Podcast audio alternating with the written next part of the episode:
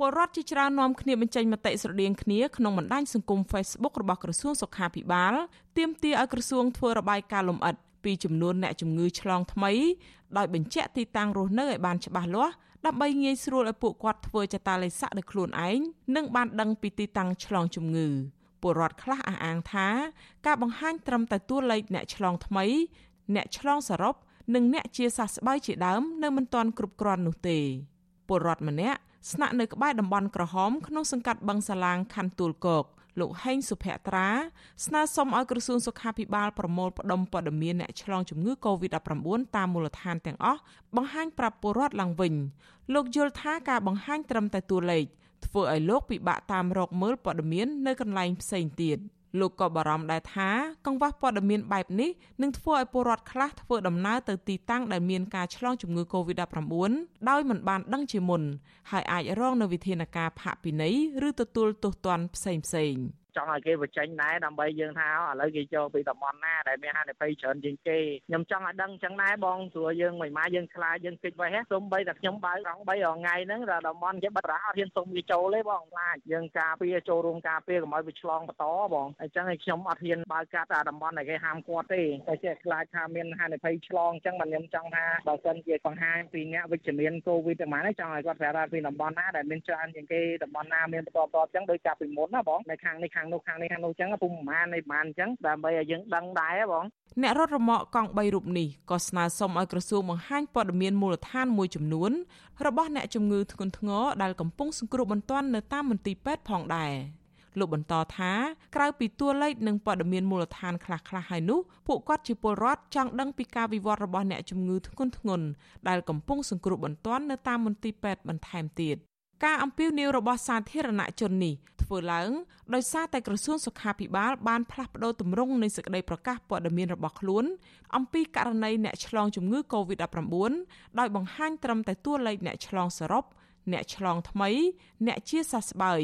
អ្នកស្លាប់សរុបនិងតួលេខអ្នកជំងឺ Covid-19 ពីក្រៅប្រទេសដោយឡែកតនន័យបន្ថែមទៀតដែលមានភាពច្បាស់លាស់ដូចជាអាយុភេទ អាសយដ្ឋានរបស់អ្នកជំងឺចំនួនឆ្លងក្នុងសហគមន៍និងព័ត៌មានអំពីអ្នកស្លាប់ដោយសារជំងឺ Covid-19 ជាដើមមិនត្រូវបានបង្ហាញដោយពីមុននោះទេ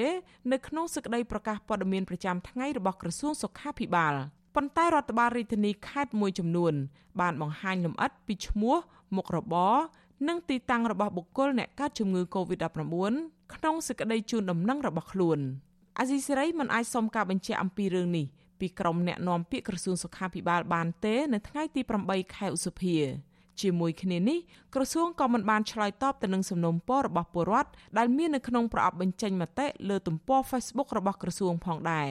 ជុំវិញរឿងនេះអង្គការសង្គមស៊ីវិលនិងអ្នកជំនាញវិទ្យាសាស្ត្រស្នើឲ្យក្រសួងសុខាភិបាលផ្ដល់ព័ត៌មានលម្អិតមួយចំនួន តាក់ទងទៅនឹងអ្នកឆ្លងជំងឺឡើងវិញព្រោះព័ត៌មានទាំងនេះមានភាពចាំបាច់សម្រាប់ពលរដ្ឋនិងជាផ្នែកមួយជួយឲ្យពលរដ្ឋបន្ថែមការប្រុងប្រយ័ត្នខ្ពស់ប្រធានកម្មវិធីនៃអង្គការដំឡាភិបកម្ពុជាលោកអឹមនរិន សង្កេតឃើញថាស្ថានភាពឆ្លងជំងឺ Covid-19 នៅតែស្ថិតក្នុងតួលេខខ្ពស់ហើយត្រូវការឲ្យពលរដ្ឋនិងមន្ត្រីសហការគ្នាចូលរួមទប់ស្កាត់ជំងឺ Covid-19 នេះឲ្យបានម៉ឺងម៉ាត់ដដែល សង្គមស៊ីវិលរូបនេះស្នើឲ្យក្រសួងសុខាភិបាលបង្ហាញទិន្នន័យនិងព័ត៌មានចាំបាច់ទាំងឡាយអំពីការឆ្លងជំងឺ Covid-19 នោះឡើងវិញ។ ខ្ញុំគិតថាគួរតែបើកទលាយហើយបើលើកមុនយើងធ្វើមានសិទ្ធិភាពខ្ពស់ហើយយើងគួរបន្តធ្វើទៀតណាព្រោះការយល់ដឹងរបស់ជាបរិបទប្រចាំថ្ងៃអំពីចំនួនអ្នកឆ្លងហើយនៅកន្លែងណានៅតំបន់ណាហ្នឹងជារឿងសំខាន់ណាស់ដើម្បីគាត់ចូលរួមក្នុងការទប់ស្កាត់ផងអញ្ចឹងបើយើងមិនមានព័ត៌មានហ្នឹងគាត់អាចអត់សូវដឹងហើយគាត់អាចមិនចូលរួមនៅក្នុងការប្រយុទ្ធប្រឆាំងហ្នឹងទេព្រោះគាត់អាចជិះនៅតំបន់ដែលឆ្លងហ្នឹងណាម្ចាស់ clinic ពិគ្រោះនិងព្យាបាលជំងឺមេតាសំណង់ទី2លោកវិជ្ជបណ្ឌិតហៀងរតនាក៏យល់ស្របដែលថាក្រសួងគួរបញ្ចេញព័ត៌មានច្រើនជាងនេះដើម្បីឲ្យពលរដ្ឋបានដឹងច្បាស់អំពីស្ថានភាពជំងឺ Covid-19 ប៉ុន្តែលោកថាការបញ្ចេញព័ត៌មានលម្អិតខ្លះក៏ត្រូវប្រុងប្រយ័ត្នដែរព្រោះប៉ះពាល់ដល់សិទ្ធិបុគ្គល។ អញ្ចឹងយើងឃើញថាការឆ្លងវាលឿនហើយបញ្ហាកត្តាជីវភាពប្រជាពលរដ្ឋកត្តាដងទទេទៅទៅនឹងកត្តាចំណេះដឹងប្រជាពលរដ្ឋយើងផងដែរហើយយើងឃើញថានៅពេលដែលវាផ្ទុះសហគមន៍អញ្ចឹងយើងឃើញថាយើងរៀងពិបាកគ្រប់គ្រងហើយការពាក់ម៉ាស់ការអីហ្នឹងអាហ្នឹងវាជាចំណែកមួយនៃការគ្រប់គ្រងដែរហើយបីគុំបីការពីប៉ុន្តែកត្តាអ្វីដែលសំខាន់ហ្នឹងគឺទាល់តែយើងធ្វើការចាក់វ៉ាក់សាំងឲ្យប្រជាពលរដ្ឋឲ្យបានច្រើនតាមដែលអាចធ្វើបានហើយបានលឿនបំផុតទើបអាចគ្រប់គ្រងបាន កាលពីពេលមានករណីឆ្លងជំងឺ Covid-19 ដំបូងដំបូងជាករណីនាំចូលក្រសួងសុខាភិបាលតែងផ្ដល់ព័ត៌មានទាំងនោះជាទៀងទាត់និងលម្អិតតាមរយៈសន្និសីទសារព័ត៌មានឬសេចក្តីប្រកាសព័ត៌មានប៉ុន្តែនៅពេលមានករណីឆ្លងទ្រង់ទ្រាយធំ នៅរយៈពេលចុងក្រោយនេះវិញក្រសួងបាយជាផ្ដល់ព័ត៌មានកាន់តែតិចនិងស្ទើរតែគ្មានសន្និសីទកាសែតតែម្ដងហើយសូម្បីតែអ្នកសារព័ត៌មានក៏ពិបាកស្នើសុំព័ត៌មានពីមន្ត្រីនាំពាក្យក្រសួងសុខាភិបាលដែរ ពលរដ្ឋនិងក្រុមអ្នកខ្លំមើលសង្គមរំពឹងថាក្រសួងនឹងអាចបន្ថែមព័ត៌មានមួយចំនួនឡើងវិញសម្រាប់ជាចំណេះដឹងនិងជាការអប់រំណែនាំឲ្យពលរដ្ឋបង្ការខ្លួនបន្ថែមទៀតពួកគេយល់ថាការបន្ថែមព័ត៌មាន ចំណេះដឹង និងការអប់រំគឺប្រសើរជាងការបន្ថែមការផាកពិន័យនិងទោសទណ្ឌនៅក្នុងកលៈទេសៈដ៏លំបាកនេះចា៎នាងខ្ញុំខែសុណងអាស៊ីសេរីរាយការណ៍ពីរដ្ឋធានី Washington